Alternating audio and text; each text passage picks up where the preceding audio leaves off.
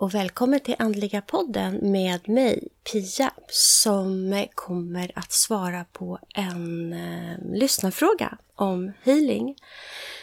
Eh, frågan var då om man eh, kan rikta energin till ett speciellt problem när man healar. Men ändå att man säger att healingen går dit den bäst behövs. Och jag tänker att för mig är det lite samma sak. Man gör, jag gör i alla fall båda delarna. För jag tänker att även om jag lägger händerna i reiki-positioner, om jag lägger händerna på kronchakrat till exempel, jag börjar där, så går ju healingen överallt i kroppen. Men just då så riktar jag också energin till kronchakrat. Eh, så att det blir som att göra båda delarna samtidigt. Och samtidigt så tror jag också att det är vi eh, människor som behöver de här olika sätten att tänka. För själva healingen, den energin går och gör ju eh, som jag tänker så går den överallt och finns omkring oss och kan behöva bli att vi uppmärksammar den. Många som eh, börjar att hila, eh, även jag, kunde ju känna i, i mina, som när jag höll på med mina ansiktsmassager i hudvården. Så när jag väl eh, lärde mig healing, gick en healingkurs, då förstod jag ju att det jag har gjort hela tiden var ju att hila. Och det kunde jag ju också eh, få bekräftelse på genom att många eh, klienter genom åren har uttryckt den här otroligt sköna känslan. Men vi hade inget eh, ord på det, varken eh, klienten eller jag just då. Men det är healing. Eh, lika mycket som det här med bara mm, om ett barn kommer in och har trillat och slagit sig skrubbsår på knäna så tar vi på knäna och det är där vi sätter plåstret. Och det blir nästan som på ett barn som har den här tilliten. Så, så fort vi sätter dit ett Bamseplåster eller Stålmannen så, eh, så slutar barnet nästan att gråta. Så att eh, jag tänker att det är vi människor som behöver väldigt de här redskapen och de olika healingsorter och det kan vara att man får koder och öppna kanaler. Det är för oss människor. Och det kan vara väldigt fint att ha de här eh, tankesätten. För det kan göra att vår tillit öppnar upp sig för healingen.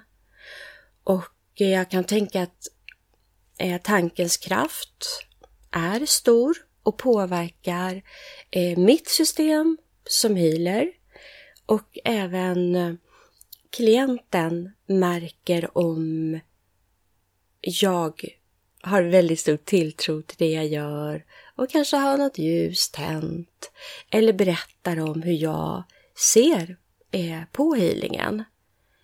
Men eh, om vi tänker på själva den här helande kraften som eh, vi inte riktigt vet vart den kommer ifrån och att det kan lika gärna vara så att bara man lägger händerna på någon, att man förstärker den egna självläkande förmågan.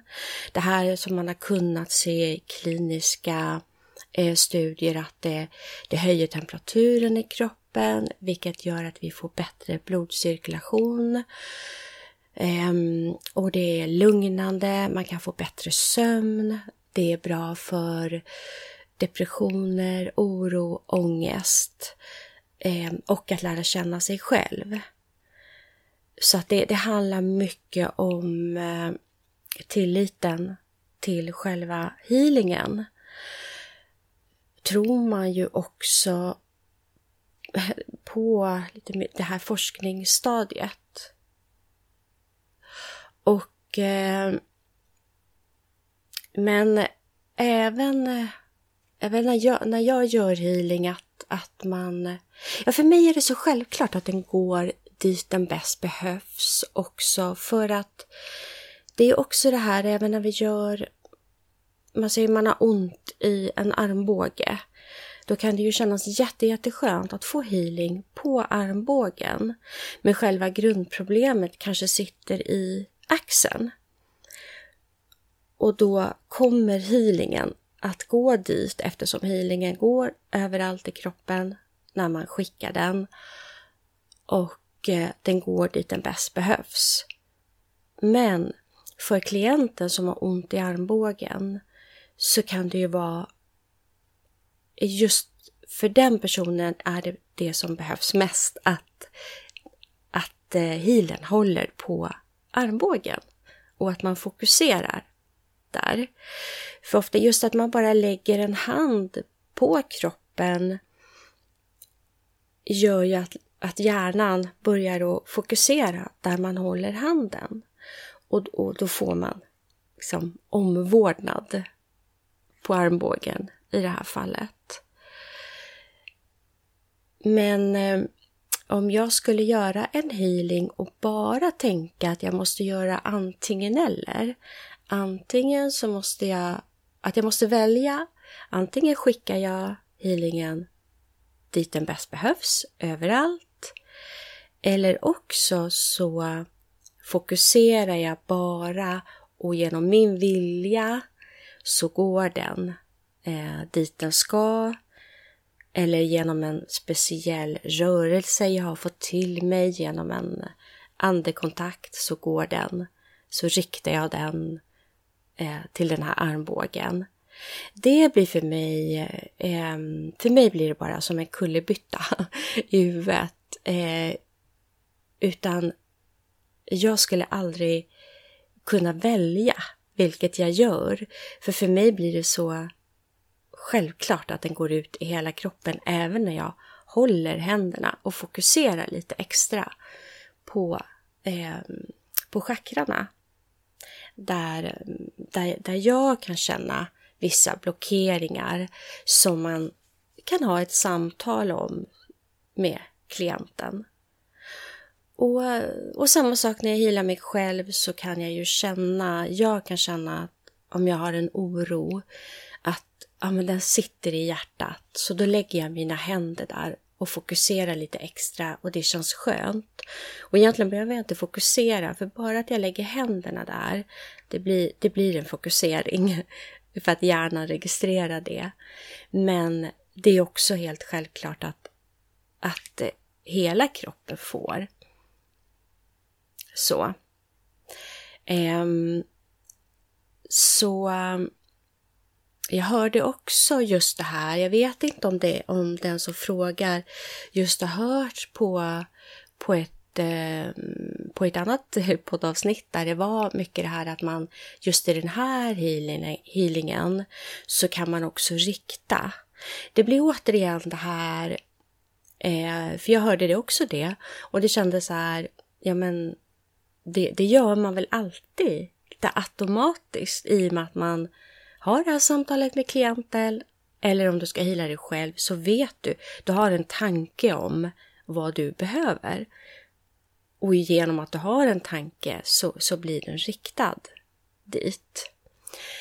Ehm, och de här som aldrig eh, lägger händerna på utan bara står utanför kroppen och, och ehm, så gör, håller händerna stilla eller gör olika rörelser med händerna är ju också vårt sätt som människor att ha fått till sig det här, det här ska du göra, det här känns bra. Men healers finns ju världen över och det finns inte en enda som gör likadant eller tänker likadant. Och det som är så fascinerande, det är ju att många känner att den här healingen eh, fungerar på något sätt i kroppen. Och känner man inte att man får en healing så eh, ja, det kan ju bero på healen också. Som, men jag tror mer att det har med, det kan ha med kemin mellan healern och klienten att göra. Att man har ingen tillit, man får inget förtroende. Så man stänger sig som klient. Eh, för det finns ju viss forskning på det också, att det är eh, att hur mycket man tar emot healingen beror väldigt mycket på eh, den klienten också. För att man, man har ju ett eget skyddssystem. Och där kommer ju den här tilliten till den som healar in. Så ja, mm, jag hoppas att det var lite svar eh, på frågan. Och eh, ja, om det inte var det, så fråga vidare. För det finns ju alltså, så mycket frågor och så mycket olika svar. Och det bästa är, tycker jag, det är att, eh, att börja och hila. På sig själv, fråga om man får hila andra och bara lita på det du får till dig. Och om andra säger någonting och det klingar bra i dig, så testa det. Men lås dig inte eh, vid någonting eftersom den här, den här healingen, den är ju den är absolut till för alla. Och det finns ingenting som pekar på att bara vissa kan ta emot healingen.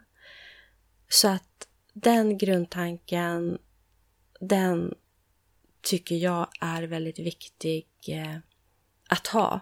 Har man ett intresse och en vilja av att eh, hila så, så gå på din känsla. Gå på din känsla. Och eh, ja, en sak till som, som också eh, som jag har upplevt och som också eh, många andra med mig som inte har, är jag berörde det innan just det här med hudvården.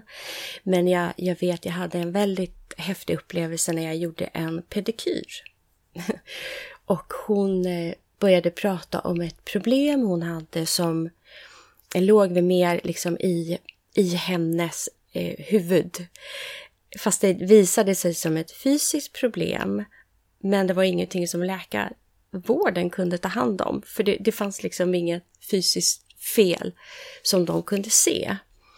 Så eh, vi började prata om det och ibland, och jag tänker att det är när någon behöver det, då kan jag ju känna medan vi pratar om det att nu kommer det healing. Så jag känner det väldigt, väldigt starkt eh, när vi har haft det här samtalet några minuter. Så jag säger till henne att eh, bara så du vet eh, så för vi hade ju pratat om healingen också det här, hon visste att jag gjorde det. Så bara så du vet, det kommer väldigt mycket healing till dig just nu. Eh, så, och hon blev jätteglad eftersom vi hade pratat om det.